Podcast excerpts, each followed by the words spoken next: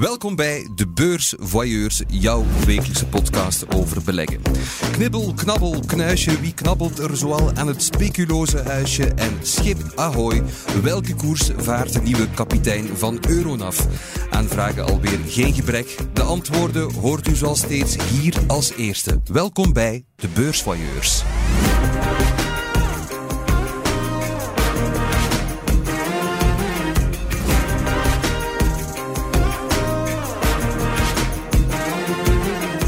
terug van een weekje weg geweest en ik ben opnieuw uh, zeer mooi omringd. Deze keer door twee journalisten van de tijd. Ellen Vermorgen naar goede gewoonte en Serge Mampai nu ook vandaag. Welkom allebei. Hoe gaat het? Het is een drukke periode, Serge. Ik heb jou lang niet meer gezien. Het is altijd druk bij ons. Uh, we zitten uh, op het einde van het resultatenseizoen uh, van het eerste kwartaal. Dus elke dag krijgen we nog zeker Belgische of Nederlandse bedrijven die met hun cijfers komen. En dat is altijd boeiend, want heel vaak reageert de koers. Kan naar boven, kan naar beneden zijn, maar altijd ons op de beurs.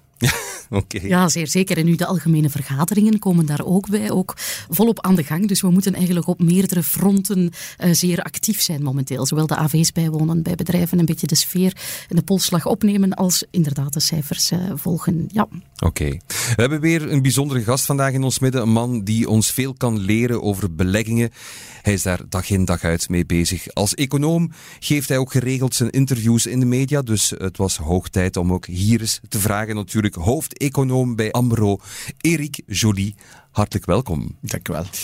Erik, je bent natuurlijk nog niet aan je proefstukje toe. Uh, je komt regelmatig in de media. Is er een bepaalde sector die een bijzonder volgt? Nee, mijn uh, primaire interesse gaat natuurlijk uit naar het macro gebeuren. Om, daar begint het eigenlijk bij, bij beleggen. Hè. Je moet eerst een heel duidelijke visie hebben van rente-evoluties, uh, wisselkoersevoluties. En dat zijpelt dan vervolgens door naar de, naar de lager niveaus, sectoren, regio's, om dan uiteindelijk af te dalen naar de verschillende individuele aandelen, obligaties, fondsen en dergelijke meer. Maar ik volg uiteraard, of ik probeer uiteraard zoveel als mogelijk uh, te volgen, maar primair is het wel het macro gebeuren. Ja. Je bent hoofdstrateeg. Hoe is die financiële kriebel bij jou ontstaan destijds? Goh, dat is eigenlijk uh, van kinds af aan meegegeven, zou ik zeggen. Mijn vader heeft ook altijd in de financiële sector gewerkt. Heeft uh, gewerkt bij een aantal uh, ja, banken, in de tijd nog wisselagenten, toen dat nog bestond. Heeft ja, uiteindelijk zijn carrière afgesloten bij ABN AMRO. Ik heb ook een aantal banken gedaan in het verleden. En ja, kijk, op dit ogenblik zit ik ook bij ABN AMRO. Dus de cirkel is wel een beetje ja. rond op dat, op dat gebied. Kan je nog herinneren wat jouw eerste aandeel was? Het, uh, het eerste aandeel, goh, dat is een, uh, dat is een goede vraag. Ik denk dat het, uh, dat een, een, klassieker moet geweest zijn, een Solvay of iets dergelijks. Ja. ja. Wat typeert ABN AMRO? Uh, onze aanpak, wel, wij, ja, wij kwalificeren onszelf als zijnde een, een pionier op het gebied van duurzame beleggingen. Dat is bon ton om dit te zeggen. Uh, sinds een aantal maanden zien we dat dat, ja, gelukkig maar ook, breed in de markt wordt gezet door, door concurrenten. Maar wij mogen toch in alle eer en geweten stellen dat wij een van de pioniers waren. Ook overgewaaid vanuit Nederland uiteraard. Ja. Heb je, heb je zelf ook een voorbeeld in de financiële wereld? Iemand waar je naar opkijkt, waar je heel veel aan hebt gehad tot dusver in, in uw carrière? God, het is een, uh, denk ik een, een dooddoener van je welste, maar iemand als Buffett, ja, dat is, uh, dat, dat is een naam die ik er al eens eerder heb horen passeren. Serieus? Dat, dat, dat verbaast ja. mij. Of, of, mag ik misschien nog een tweede meegeven?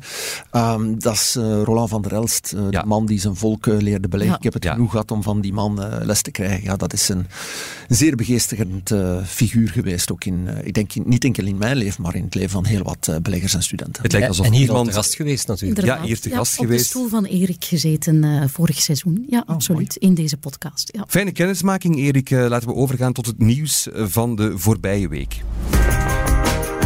De beursblik. Gaan eens terugblikken op de voorbije week. Wat kunnen we niet laten liggen en zouden jullie graag eens met elkaar bespreken? Serge, waar wil jij het vandaag met ons over hebben? Wel, een, uh, een artikel dat absoluut mijn aandacht getrokken had, uh, is het aantal genoteerde bedrijven op de Brusselse beurs. Dat is sinds 2008 met uh, 27% teruggevallen. Amai. Er noteren nog 122 aandelen op de hele Brusselse beurs. Dat is het laagste pijl in meerdere decennia. En dan te weten dat begin vorige eeuw Brussel een van de grootste aandelenmarkten ter wereld was. Het boomde hier met investeringsmaatschappijen die dankzij het geld dat ze verzamelden op de Brusselse beurs wereldwijd actief waren. Wij hebben uh, trams eh, in Argentinië aangelegd, in Egypte, allemaal dankzij de Brusselse beurs. Terwijl we nu nog amper een paar multinationals hebben. En hoe komt dat? Uh, wel, er zijn verschillende redenen uh, voor natuurlijk. In de eerste plaats, de voorbije jaren hebben uh, heel veel bedrijven, dankzij de lage rente, makkelijk kredieten kunnen ophalen bij venture capitalists, dus durfkapitaalverschaffers bij de banken. Maar ehm, er is ook een groter probleem. Ehm, eh, namelijk de vereisten die uh, de beurs stelt aan al die bedrijven om te mogen noteren. Je kan het zo gek niet bedenken of er is wel een regeltje voor. Kan je dat niet of wens je dat niet, dat, kan je gewoon eenvoudig niet op de beurs noteren. Dus dat zou een beetje soepeler moeten. Ik denk dat een andere reden is dat daarvoor moeten we ook uh, als schuldigen naar de financiële sector kijken. Heel wat banken en beurshuizen hebben bedrijven naar de beurs gebracht die er eigenlijk niet klaar voor waren. Denk aan heel veel ja, tientallen heel kleine biotechbedrijfjes. Die koersen die zijn geïmplodeerd. Sommige ja, min 99% of nog erger, faillissement. En dat heeft toch heel veel beleggers uh, schrik aangejaagd, waardoor ze minder geneigd zijn om uh, hun geld in nieuwe bedrijven te investeren. Hoe komt dat dan dat dat specifiek in ons land zo is, dat dat in andere landen niet het geval is?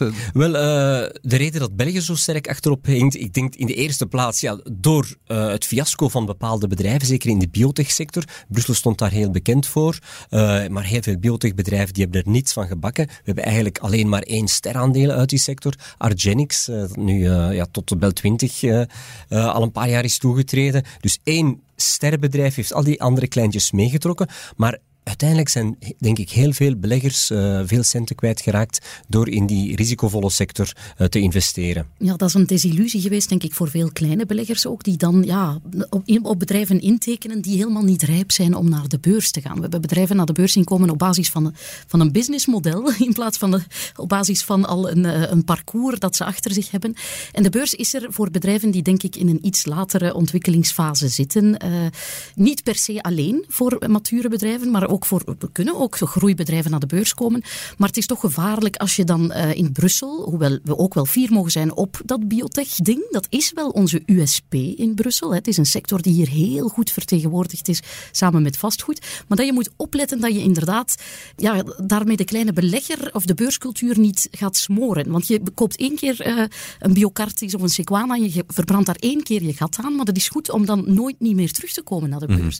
En dat is een beetje ja, de tragedie die uh, van, van de Brusselse beurs, denk ik, dat daar de beurscultuur gedempt is door de samenstelling van die beurs, die, ja, waar we weinig um, echte grote uh, triomfverhalen hebben gehad. Argenix is een goed voorbeeld, wat Serge zegt, maar ze zijn eerder schaars, de grote echte um, triomfen van de laatste jaren. En, en, welke impact heeft dat eigenlijk voor bedrijven die dan wel nog hier op de Belgische beurs zitten? Wel, ik denk dat er uh, een, absoluut een voedingsbodem nodig is voor de economie. Dat, dat, de beurs is die voedingsbodem ja. voor de economie Aan de ene kant creëer je een ecosysteem met uh, ja, bedrijven die financiering nodig hebben. En aan de andere kant zijn er de investeerders, zoals pensioenfondsen, verzekeraars, maar ook kleine beleggers, die een mooi rendement eh, voor hun centen zoeken. En als je die twee kan samenbrengen, dan heb je eigenlijk ja. ja een match made in heaven. Hè? Mm -hmm. uh, ja, dan heb je een prachtig vinden, ecosysteem. Ja, ja de, de, de, bedrijven vinden financiering. Jij kan als belegger je geld rendabel aan het werk zetten. In die economie, de economie kan groeien met het geld van de bedrijven. Uh, is er rendement, dan volgt het naar de beleggers van het eigen land. Als je dat niet hebt natuurlijk, dan heb je een probleem uh, voor je economisch systeem. We kunnen geen florerende economie creëren met alleen maar steuntrekkers. Dus als iedereen op de beurs zit, als iedereen participeert in dat gebeuren, ja. ja. dan stijgt onze welvaart. Voor mij de waarde is, je kunt erin participeren. Stel dat iedereen naar private equity gaat hollen, wat jij nu daarnet zegt, en er is geen beurs niet meer, ja, dan mogen wij niet meespelen, hè mannetjes, want dat zijn tickets die voor mij, ik weet niet Erik of Serge of Thomas, maar die voor mijn portefeuille te groot zijn. Ik raak daar niet in. Je hebt een startbedrag nodig dat zo hoog is, bij de beurs niet. Je kan met kleine bedragen deelgenoot worden. En dat is de grote kracht. En dat is iets wat mensen die de beurs op de korrel nemen vaak vergeten. Die democratiserende kracht van Erik, hoe zie jij dat als, als uh, bankenman? Wel, ik denk dat er uh, ook een, een rol weggelegd is uh, meer voor de overheid. Hè. In ons land is het zo dat maar nogal eens gemakkelijkheidshalve uh, mensen die bezig zijn met uh, beleggen op de beurs, dat men dat wegzet of dat men die mensen wegzet als uh, ja, speculanten. daar waar het absoluut uiteraard niet het geval is. Als je een voldoende lange horizon hebt van meer dan tien jaar, ja, dat is, is dat de enige manier om je kapitaal te, te preserveren. En ja, dat wij ja, relatief weinig nieuwe bedrijven hebben, dat er heel weinig, relatief gesproken, ook bedrijven op de beurs van Brussel staan. Mhm. Ik denk dat het ook een, een, stuk te maken heeft met onze, ja, met onze Belgische bescheidenheid uh, voor een stuk. Ik denk ook de, de, de regelgeving, jij alludeerde er al op, Serge. kijk wat er gebeurt in, op Amsterdam bijvoorbeeld. Die, dat is een, een beurs waar we zien dat in geslaagd is om behoorlijk wat uh, bedrijven aan te trekken die wegvluchten, die wegvluchten uit, uh, uit Londen. Ja, en als we niet opletten, dan gaan we misschien binnen afzienbare tijd uh, geconfronteerd worden met een situatie waarbij ja, de, de echt grote jongens, dat die misschien gaan opteren niet langer voor een notering in, in, in Brussel, maar misschien ook over de, de, Atlantische Oceaan eens gaan kijken. Hè. Dus ik denk, de beurs is iets om te koesteren. Het zou eigenlijk standaard in het lespakket moeten opgenomen worden okay. uh, van de middelbare school, zodanig dat men goed beslagen op het ijs komt en vooral ook alle, alle pro's en cons even op een, eh, op een rijtje plaatst. We moeten eerst nog wel even gewoon leren lezen en rekenen, heb ik begrepen. Maar... Klopt, ja, maar goed, dat is dan in tweede instantie. ja, ja, de, de, fiscaliteit is natuurlijk daarin ook heel belangrijk. Als je de Belgische beurs vergelijkt met de Amsterdamse beurs, dan zie je toch dat die Belgische belegger enorm benadeeld is. We hebben hier een, eh, een dividendbelasting uh, die tot de hoogste ter wereld uh, behoort. 0,3 procent van ons dividend gaat naar staat. We hebben een transactietax die je moet betalen bij aankoop en bij verkoop 0,35 procent. In Amsterdam betaal je helemaal niets. Als je dat allemaal gaat samentellen, dan zie je toch dat die Belgische fiscus die belegger als een soort demon gaat aanzien, terwijl eh, de Nederlandse uh, regering eigenlijk beleggen net aanmoedigt. Wat niet wil zeggen dat een belegger niet moet bijdragen. Hè. Daar ben ik het Ik vind de belegger moet niet vrijgesteld worden. Hè. We willen de fair share doen en we moeten die ook doen. Hè. Maar het moet inderdaad billig zijn en het moet concurrentieel zijn met onze omliggende markten. Dat ja, is, uh, wat het op dit moment... Uh, wat het op dit moment niet altijd niet is. zozeer is. Ellen, wat heb jij meegebracht? Wel ja, Breaking Up is Hard to Do. Een mooi nummer van Niels Sedaka. Maar dat is iets wat gaat gebeuren binnenkort in het monetaire bestel. Want na een aantal maanden in duo gaan de FED en de ECB allicht hun eigen weg eh, vanaf juni, dan wel juli. De FED is vroeger begonnen met het verhogen van de rente en kijkt nu aan tegen het einde van die oefening. Eh, zij zeggen we zijn klaar of we moeten eh, afwegen of we de economie niet te veel aan het pijn doen zijn. En zij zouden ja, die renteklim on hold zetten. Terwijl in Europa zijn we daar nog niet. Inflatie is hier ook nog altijd hoger. We zijn hoeveel, hoeveel trager waren we? Een maand of vier of zo? ik denk dat we vier maand later dan de FED in gang zijn geschoten, inderdaad. En de FED heeft er tien opeenvolgende opties zitten, tien opeenvolgende renteverhogingen. En nu Wall Street of de markt, de geldmarkt ook, denkt nu dat het wel ten einde loopt. En dat we aankijken tegen een pauze uh, van die renteklim, hoewel we in, de, ja, in Europa nog tegen een ander bestel zitten. En dat is, ja, je komt dan een beetje in een, in een uh, nieuwe monetaire mini-era. Ik ben benieuwd hoe dat Erik erover denkt als macro-econoom. Waar dat de twee grootste centrale banken in de wereld niet meer gelijk, ja, lopen. gelijk lopen en een, een ander beleid voeren. En wat dat dan doet voor beleid Hè. De euro zit dan eigenlijk een beetje als natuurlijke winnaar van dat fenomeen. Want ja, die profiteert ervan dat er in Europa wel nog de rente stijgt. Eurobeleggingen worden ook interessanter voor niet-Europese beleggers. Je kan je dan afvragen, betekent het geen nieuwe dageraad een beetje ook voor Europese aandelen? Gaan die beter in de spotlight komen? En ze kunnen ook profiteren als de economie terug echt zou gaan aantrekken. Kunnen zij ook als cyclische waarden meer naar voren komen? Dus ja, je doet het je afvragen, gaat het rugwind geven voor de Europese markt? Wat denk jij, Erik? Wel, als ik kijk naar onze strategie op dit ogenblik, dan uh, stel ik vast dat we uh, op dit moment een onderweging hebben voor uh, de aandelen in hun totaliteit. We zijn ook minder vast, zowel op aandelen uit de eurozone als op aandelen van de Verenigde Staten. Maar we zijn wel voorstander van aandelen uit de ontluikende markten. En je alludeerde er al een beetje op. het heeft vooral ook te maken met de evolutie van de, van de wisselkoers euro-dollar. Ehm, we gaan er toch vanuit dat de dollar in de loop van de komende weken, maanden zou gaan verzwakken, betekent dan ja, in theorie gesproken, als, als die dollar zwak is, dat dat goed nieuws is voor de, voor de ontluikende markten. Nu, voor wat uh, de, de, de, Europese en de, de Amerikaanse markten betreft, um, ik denk dat we toch een, een zekere terughoudendheid aan, aan de dag moeten leggen. Als ik zie hoe, dat de analisten, hoe positief de analisten momenteel zijn voor Q3, voor Q4, dan kan je daar toch vraagtekens bij stellen, omdat uh, ja, je, sprak er al over, inflatie die is alomtegenwoordig, maar er is een studie uh, gepubliceerd door, door de FED en ik denk ook door de ECB, waaruit bleek dat al in 2021 dat de helft van de inflatie veroorzaakt werd net door ja, het oprekken van die winstmarges van de bedrijven. Op dit moment is het zo dat de consumenten, zowel in de States als in de eurozone, grotendeels door de opgespaarde, door de geaccumuleerde reserves zitten, wat ze konden opbouwen tijdens, uh, tijdens corona. En ja, als je dan nog zo positief bent als analist voor Q3, Q4, van waar gaat die groei komen? Gaat men zoveel mailen verkopen? Dat durf ik te betwijfelen. Gaat men in staat zijn om de al zeer, in veel gevallen, royale marges nog verder op te trekken? Ik ben er niet van overtuigd. Dus we pleiten toch voor een zekere terughoudendheid op zowel de, de Europese als de Amerikaanse aandelenmarkt momenteel. Erik, ik hoop dat je vooral gelijk hebt uh, over de dollar, dat hij nog verder gaat verzwakken. Want ik trek uh, deze vakantie met uh, de kinderen naar de Verenigde Staten.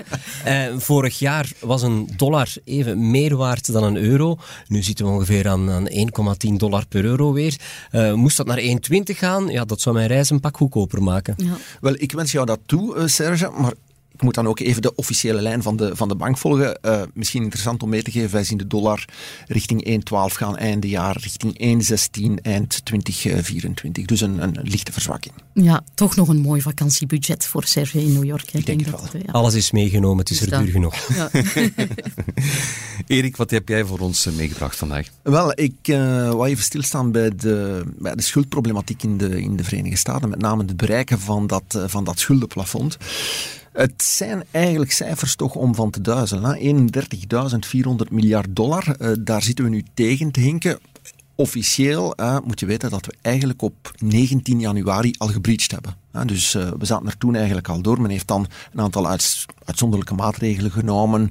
Men, heeft, of men is gestopt liever met het betalen van bijdragen in de pensioenfondsen voor ambtenaren en dergelijke meer. Oké, okay. enfin, niet oké. Okay. Uh, dat, is, dat, is, allemaal onrustwekkend, toch? Het is, ik, vind het, ik vind het vrij onrustwekkend, zeker als je uh, bekijkt wat er een aantal jaar terug uh, gebeurd is. En toen stonden de Democraten en de Republikeinen ook al met getrokken messen tegenover elkaar. Ik moet zeggen dat de tegenstellingen in, die, in dat afgelopen decennium enkel maar gegroeid zijn. En wat mij dan toch een beetje verbaast is ja, het gemak waarmee de markt denkt van oké, dit gaat wel loslopen. Hè. Dus op dit ogenblik zie je dat er enkel wat premies moeten betaald worden voor de T-bills op juni.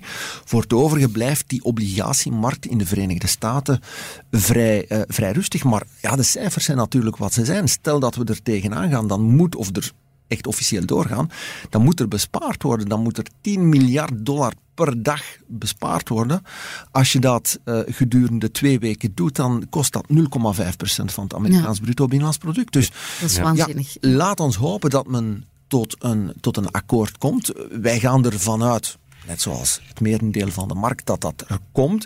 En mocht het toch zo zijn dat men er in eerste instantie niet in slaagt, ja, dan denken wij, dan zal er toch een shutdown komen van, uh, van de overheid. Ja. Uh, zodanig dat, ja, dat er toch de voorkeur wordt gegeven aan het terugbetalen van coupons, obligaties van de ja, belangrijkste uh, emittent wereldwijd. Ja, ik hoop dat dat dan niet gebeurt, want dat betekent dan ook dat uh, de musea bijvoorbeeld... Ja, uh, sluiten. Voor jouw trip naar New York ja. belooft dat weinig goeds, want dan gaat alles dicht. Hè? Ja. Qua timing kan dat... nee, ik bibber nu al. Inderdaad, maar, maar, ik denk, de markt heeft nu zoiets, denk ik, Erik, verbeter mij als ik dat in jouw ogen verkeerd zie, van we've been there and we've done that. Hè. Het is al mm -hmm. vaak gebeurd, die debt ceiling, op, op gezette tijden komt dat naar boven en vindt men altijd wel een vergelijk. En raakt dat wel gedepaneerd. Dus dat is nu misschien de, de reden waarom de markt er niet zo uh, ontzet door is, of minder ontzet dan je zou denken. Anderzijds, ja, het lukt maar tot het een keer niet meer lukt. Uh, dus als het niet lukt en wordt, men wordt inderdaad gedwongen om die uh, gigantische ja, overheidsuitgaven te beteugelen, heeft dat een grote impact op de Amerikaanse economie. Amerika heeft een begrotingstekort van 8%, is veel hoger dan België. We zeggen dat niet altijd, hè, want je denkt Amerika gidsland, hè, wauw, want die hebben een giga overheidstekort. Mm -hmm.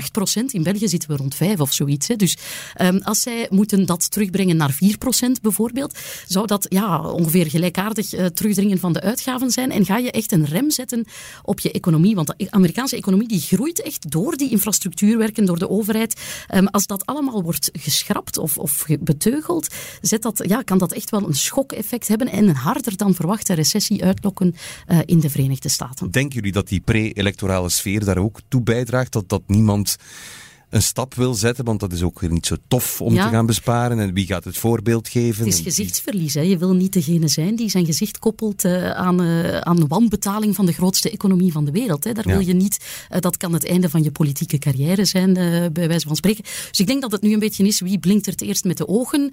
Ze gaan dat to the brink brengen, tot einde van de deadline, zoals het in het verleden vaak is gebeurd. En dan zal dat wel gedepaneerd geraken. Ja, ik denk dat beide partijen wel gelijk hebben. De democraten willen niet dat eh, het hele stimuleringsprogramma stopt. Maar ja, anderzijds hebben de Republikeinen ook wel gelijk. Als je een tekort hebt van 8%, dat kan je niet volhouden. En we moeten wel erkennen dat uh, de enorme spenderingsdrift van de Amerikaanse overheid van de laatste jaren, dat die wel heeft bijgedragen tot uh, de inflatie die we nu kennen. Benieuwd hoe dat verder zal lopen. Ik hoop al het beste voor jouw vakantie natuurlijk, Serge, want dat is toch iets wat iedereen Fingers crossed. enorm aantrekt. Dank je. Het is tijd om eens uh, Wanda de nodige aandacht te geven. Wanda, dat is onze vragencomputer bij de tijd. Dat is altijd uh, gevaarlijk. Ja, maar goed, we moeten er even door.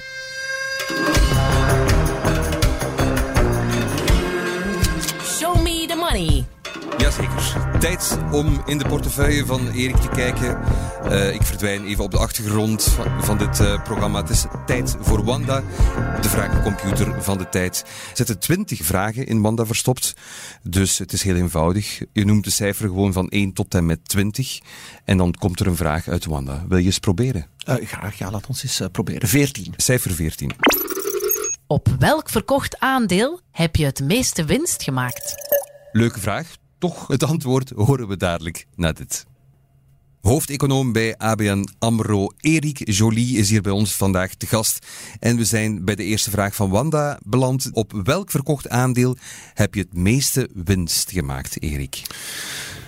Wel, dat is een, eh, een moeilijke vraag, omdat ik eh, de onhebbelijke gewoonte heb om uh, quasi nooit te, te verkopen. Ik, uh, ik heb de, de, de neiging om verliefd te worden op bepaalde aandelen, ook als dat minder succesvolle waarden zijn. Dus ik kan daar echt moeilijk een, een, een exact getal op, op kleven. de portefeuille die, die ik zelf heb, die bestaat ja, een combinatie van individuele namen, ook een aantal trekkers uiteraard. Omdat ik echt beleg voor de, voor de heel lange termijn. Ja. En dus de Solves, die wellicht de eerste aankoop uh, zijn geweest, die zit nog altijd in de portefeuille. Dus ik ben absoluut geen, uh, geen trader. Maar je wordt wel verliefd op je aandelen, dat heb ik begrepen. Op sommige aandelen al iets uh, verliefder dan op andere. Vooral op, wie ben je het, op wie ben je het meest verliefd nu? Op diegene die, die het best presteert. En, en dat, is, en dat is? Goh, ja. Is er zo geen aandeel, jouw pronkstuk in jouw portefeuille? Goh. Je bent een polygamist, ik hoor het al. geen, geen één aandeel. Ja. Ik hoop dat mijn echtgenote dit niet hoort, want... Ik had uh, één ding over het hoofd gezien. Er is nog één iemand erger dan Wanda. En dat is uh, Ellen gewoon. Waarvoor excuus. nog een cijfertje proberen? Uh, 18. Tesla of Porsche? Goed, ik zal het antwoord ook tweeslachtig moeten geven, vrees ik. Hier gaan we um, in het, in het... Om mee te rijden of als aandeel? ja, dat is een oh, verschil, hè? Ik, ik, had begrepen dat het ja. was om mee te rijden, maar... Laten we beginnen om mee te rijden. Goh, ja, ik denk uh, dat we het onszelf natuurlijk verschuldigd zijn om, uh, als je ziet wat er allemaal gebeurt vandaag de dag, uh, dat we eigenlijk niet anders kunnen dan volop inzetten op, op die energievriendelijke manier van ons te gedragen. Tesla is daar uiteraard een, een, een voortrekker in geweest. Porsche heeft nu ook wel bepaalde modellen uh, die elektrisch zijn. Ze kunnen mij uh, eerlijk gezegd minder bekoren dan de uh, zuivere wagens op, op fossiele brandstof van, van Porsche. Maar goed, vanuit de ratio zou ik zeggen, ja, Tesla vanuit het hart misschien toch wel, uh, toch wel de Porsche. En ja, goed, voor wat de beurs betreft, ik denk, er is een plaats voor, voor beiden in de, in de portefeuilles. Nog een cijfertje? Mm, 15. Welk aandeel is de nagel aan jouw doodskist? Hmm. Oké, okay, dat, is een, dat is een makkelijke. Uh, dat is een aandeel en ik kijk uh, naar het geëerd uh, gezelschap rond de tafel. Het zou me verbazen mochten jullie dat ooit gekend hebben. Genicom, Zegt dat nog iets? Genicom. Genicom. Dat nee, was... nee, zegt het nee, niet. Nee, nee. nee. Totaal dus, niet, nee. Dat is, of dat was een, een aandeel wat noteerde op, uh, op Nasdaq. Had in der tijd, maar ik spreek van Uh, ja, dat kan 20, 25 jaar terug zijn. Uh, een, een veelbelovend uh, ticketsysteem ehm, uitgedokterd voor het printen van de, van de vliegtuigtickets. En ja, beginnersfouten. Ik had eigenlijk mijn mijn huiswerk niet gemaakt. Hè. Het was gewoon iemand had gezegd van, goh ja, dat is echt een fantastisch goed aandeel. En de koers gekeken en ja, het steeg maar en steeg maar. En, uh, zonder uh, naar de cijfers te kijken, uh, ja, heb ik dat gekocht en dat is valikant afgelopen. Dus een, een, een, een wijze eh, levensles voor, voor mezelf, die ik nu qua de dochter probeer mee te geven. Maak altijd uw huiswerk voordat je iets koopt. ja. Dus dat is, dat is een faillissement nul, Dat is nul geworden. Nul dat is nul. Ja, ja, ja. Dat is niet goed. Nee. Maar je dat hebben we allemaal wel eens meegemaakt, denk ja, ik. Voilà, iedereen heeft het denk ik wel eens meegemaakt, toch? Ik, ik heb ooit ook een aandeel gekocht uh, op Nasdaq Swan, heette dat. Ja. Uh, een, uh, ik denk dat het ongeveer 1 dollar kostte. En een heel prestigieuze zakenbank gaf een koersdoel van 10 dollar. Ik dacht, dan mag er nog iets verkeerd lopen. Ja. Koersdoel 10, Koers 1, ik heb dan maar gekocht. Uh, ja, een paar weken later zelfs al uh, was het totaal los. Ja, ja ik, heb het, ik zal dan ook maar uit de biecht klappen nu mijn uh, gezelschap dat ook doet. Ja, ik heb een, een kleine positie FNG genomen, niet lang voor voor de val ervan. Um, omdat ik uh, ja, dacht dat dat uh, nog te redden viel. Dat ik daar een beetje uh, ja, speculatief op ingezet. En die positie ontsiert nog altijd. Want als ik dus mijn portefeuille bekijk in mijn broker-account, staat dat daar nog altijd tussen. Vier jaar geleden is die handel opgeschort. En ja, ik ga die centen niet meer zien. Maar het was gelukkig een zeer hyperklein bedrag. Alle chance. Beter nog een Brantano-bon gegeven. Inderdaad, ja, daar had ik nog meer aan gehad. Daar had ik nog meer aan gehad. Ja. Nog een cijfertje. zes. Welk advies dat je ooit las of kreeg, is volgens jou van de pot gerukt? Het mag uit de krant komen. Oké, okay, dat uh, vergemakkelijkt de zaak. Goh, alle adviezen die ik, uh, die ik zie passeren over, uh, over het kopen van cryptocurrencies. Um, je kan geen waarde kleven op Bitcoin of Ethereum. Het is natuurlijk iets anders, um, de achterliggende technologie. Maar ja, ik, ik kan er gewoon niet bij dat. Uh, ja, dat men daar allerhande theorieën over uh, ventileert. Dat zijn uh, markten die levensgevaarlijk zijn. En ik, ik vrees een beetje dat als we dan kijken naar de jeugd, ah, en je, je spreekt met, uh, met jonge mensen en je zegt, ja goed, weet je, oh, de aandelenmarkten gemiddeld genomen 5, 6 procent op jaarbasis, ja, dan, dan, dan word je natuurlijk onmiddellijk uitgelachen. 5, 6 procent op, op jaarbasis, ja, wij doen toch 6 procent op dagbasis. En ja, vroeg of laat gaat dat mijn zinziens valikant aflopen. Ja, ja je zegt die, echt dat het levensgevaarlijk, dat het, dat het, ja, dat een, echt een doembeeld van die crypto... Wel, ik, ik, ik begrijp het niet. Ik begrijp het niet. Uh, en ik, ik, ik weet ook hoe dat uh, ja, beleggers en spaarders reageren op het ogenblik dat bepaalde zaken verkeerd uh, aflopen. Denk maar Kafting een aantal jaar terug. Ja, dan, dan waren toch met z'n allen maar heel tevreden dat dat gered is geweest door de overheden. Ja, de IJslandse bank, we moeten al niet meer zo ver terugrekenen. Absoluut. Hè? Wat gebeurt er op het ogenblik dat cryptocurrency X helemaal de dieprik ingaat? En ik vrees een beetje dat uh, bij een deel van de jeugd, dat men door de handel in die cryptocurrencies, dat men eigenlijk ja, vergeet waar beleggen eigenlijk om draait. En dat is ook de fout die ik zelf uh, gemaakt heb in de tijd met dat, met dat ene aandeel. Maak uw huiswerk, probeer te kijken, is dat een bedrijf met een, met een innovatief product? Hoe zit het met de, de concurrentie? Zijn er instapdrempels in de sector en dergelijke meer? Ja, ik denk dat we, en dat, dat jullie als, als media ook de, de, de taak hebben om, om altijd, uh, als daarover bericht wordt, om dat met de nodige omzichtigheid en voorzichtigheid vooral te doen. Ja, Erik, vind, vind, je dan dat de regulatoren dat meer moeten uh, gaan reguleren? Want dan zou je ja, een soort geloofwaardigheid aan die handel creëren die er nu niet is. Ik denk dat dat een, een, een goede stap zou zijn. Nu, je weet ook dat bepaalde centrale banken zijn bezig met het experimenteren van, van eigen cryptocurrencies. Dat is natuurlijk iets anders, want je wordt gebacked als eigenaar van die currency, word je gebacked door de centrale bank en door het systeem. Dat is iets anders. Maar ja, de, de, de, de gewone crypto's, uh, ja, is toch een ander paar. Ik denk, uh, ja, onderwerp het inderdaad, be, beschouw het als een, actief, als een actief en behandel het ook zo. Uh, en ik denk dat bitcoin of, of ether daarmee gebaat zou zijn. Het zou dat salonveger maken en ook dat Wilde Westen zou daaruit gaan. Hè? Want ik vind dat je nog altijd wel moet differentiëren. we moeten daar een groot voorbehoud van maken. Er komt geen ja, cashflow uitgerold, de intrinsieke waarde is niet zichtbaar of is er misschien niet, maar je, je loopt dan voorbij aan de mogelijkheid mogelijkheden die Web3 heeft of die de blockchain heeft. Dat is op zich uh, niet waardeloos, hè, verre van. Dat kan echt de toekomst uh, vormgeven van hoe het internet zal werken. Dus reguleer dat op de juiste manier en maak dan ook dat die cowboy-dingen die er altijd ontstaan bij het groeien van nieuwe markten, dat die eruit gaan. En daar gaat ook uh, heel het crypto-universum bij gebaat zijn. Ik ben het daar niet volledig mee eens, want ik denk dat je dan een soort geloofwaardigheid geeft aan het, aan ja. Het piramidespel, wat de meeste cryptomunten toch zijn. Um, het, de Ponzi-schemes gaan eruit gaan op die manier. Als je ze niet meer toelaat, hè, dan kan je nog altijd bedrijven hebben of ontwikkelingen die gebaseerd zijn op blockchain of munten die zich daarop proberen manifesteren. Maar dan haal je uh, tenminste heel die Ponzi-waas die er rondhangt eraf. Dus ik denk, ik ben een voorstander om dat, om dat wel te doen. Ik snap jouw punt dat je dan zegt, je, je gunt het een geloofwaardigheid die het dan misschien in jouw ogen niet verdient als uh, financieel activum.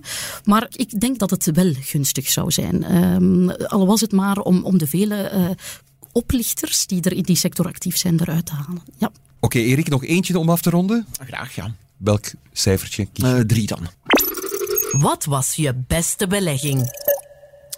Goh, dat is ook al een, uh, een heel oude belegging. Ik ben afgestudeerd in 1991. Ik heb dan uh, jaar legerdienst gedaan, dus ik ben beginnen werken ergens eind 92, begin 93.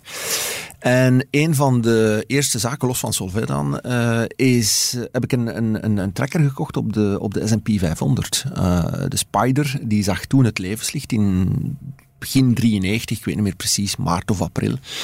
En met een van de eerste weddens heb ik daar een deel in gestopt. Ik heb dat dan vervolgens stelselmatig uitge, uh, uitgediept en uitgebreid.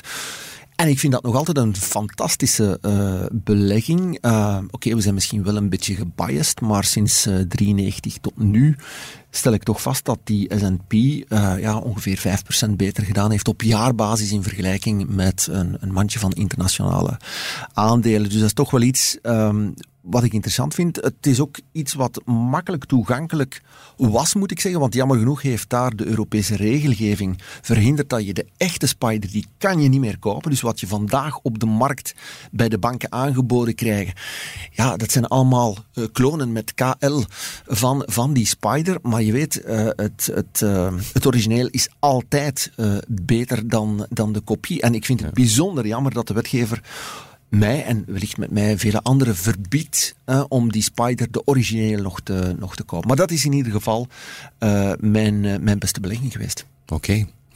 Dank je voor jouw openhartigheid, Erik. het is hoog tijd om ons even te focussen, jullie vooral, op een luisteraar. Een luisteraar met een prangende vraag. De hulplijn. U wist ons ook deze week weer te vinden. Dankjewel, dat is heel fijn. Want het is, uh, leven is natuurlijk geven en nemen. En dit is het moment waarop uh, hier gegeven zal worden, meer bepaalde informatie, aan een trouwe luisteraar van de beursvailleurs met een vraag. Dag Pieter.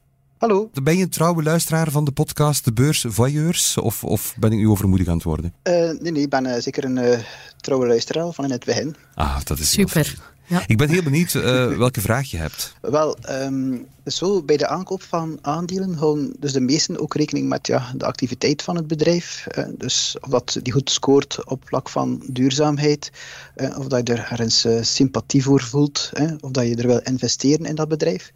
Um, maar ik vraag mij dan af, als je bijvoorbeeld 1000 euro aan aandelen koopt voor een bedrijf, ja, dan komen die 1000 euro volgens mij terecht op de bankrekening van de voor de eigenaar van de aandelen en niet op de rekening uh, van het bedrijf. Dus mijn vraag is eigenlijk, als ik aandelen koop, heeft dat bedrijf er eigenlijk iets aan? Maakt dat eigenlijk een verschil voor dat bedrijf? Ja, dankjewel voor uh, je vraag, uh, Pieter. Ja, je hebt gelijk dat als jij een aandeel koopt, dat je dat koopt van een tegenpartij die niet dat bedrijf is. Jij geeft dat geld inderdaad niet rechtstreeks aan het bedrijf waarin je investeert.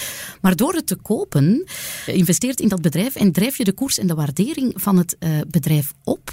En daar heeft een bedrijf natuurlijk alles aan. Hè. Dan kan het de hogere beurskoers gebruiken om geld op te halen of om overnames te financieren. Of ja, op die manier, ja, je investeert dan echt ja, natuurlijk rechtstreeks in dat. Jij krijgt de deelbewijzen van dat bedrijf. Hè. Jouw geld gaat naar degene die voor jou die deelbewijzen had. Maar jij uh, helpt uiteraard, ja, jouw investering is inderdaad wel rechtstreeks uh, in, in het bedrijf waar je aandelen van koopt. Ja, of uh, ik ga Serge misschien laten aanvullen. je draagt op die manier ook bij aan de verhandelbaarheid van het aandeel. En hoe makkelijker verhandelbaar een aandeel is, uh, in jargon heet het dan de liquiditeit, uh, hoe hoger de waardering de markt uh, aan dat aandeel geeft. Dus het bedrijf, als het in de toekomst aandelen zou moeten uitgeven, dankzij die vlottere verhandelbaarheid, dankzij die goede liquiditeit, kan het een hogere prijs voor zijn aandelen vragen en kan het dus ook zich goedkoper financieren en heeft het makkelijker en goedkopere middelen om een groene investering te doen, bijvoorbeeld. Dus ja, je helpt op een indirecte manier wel het bedrijf zelf. Ja, ja, ja. oké, dat begrijp ik. Wat voor soort beleggingen dragen jouw voorkeur? Oh, um, ja, het zijn voornamelijk in individuele aandelen. Ik zou inderdaad wel wat meer in de ETF's en zo moeten uh, investeren. En bij de individuele aandelen uh, zijn het eigenlijk toch voornamelijk de Belgische bedrijven die, waar ik uh, ja, aandelen van koop. Dan heb je een beetje wat ik ook heb, een home bias. Ja, ik heb, uh, ik, ja. ik, heb dat ook. Men zegt altijd dat dat niet, uh, niet altijd zo wenselijk is. Uh, dus nee, daar wil ik je voor hoeden. je moet ook geografisch durven spreiden. Maar ik ben in het bed, hetzelfde bedje ziek als jij, Pieter, omdat ik ook altijd liever de bedrijven financier die hier werkgelegenheid creëren en hier toegevoegde waarde creëren. Dus ik volg dat absoluut. Ah, ja, vergeet, vergeet, niet, Ellen, dat de wereldindex de laatste tien jaar het meer dan dubbel zo goed gedaan heeft dan uh, onze eigen Bel 20-index.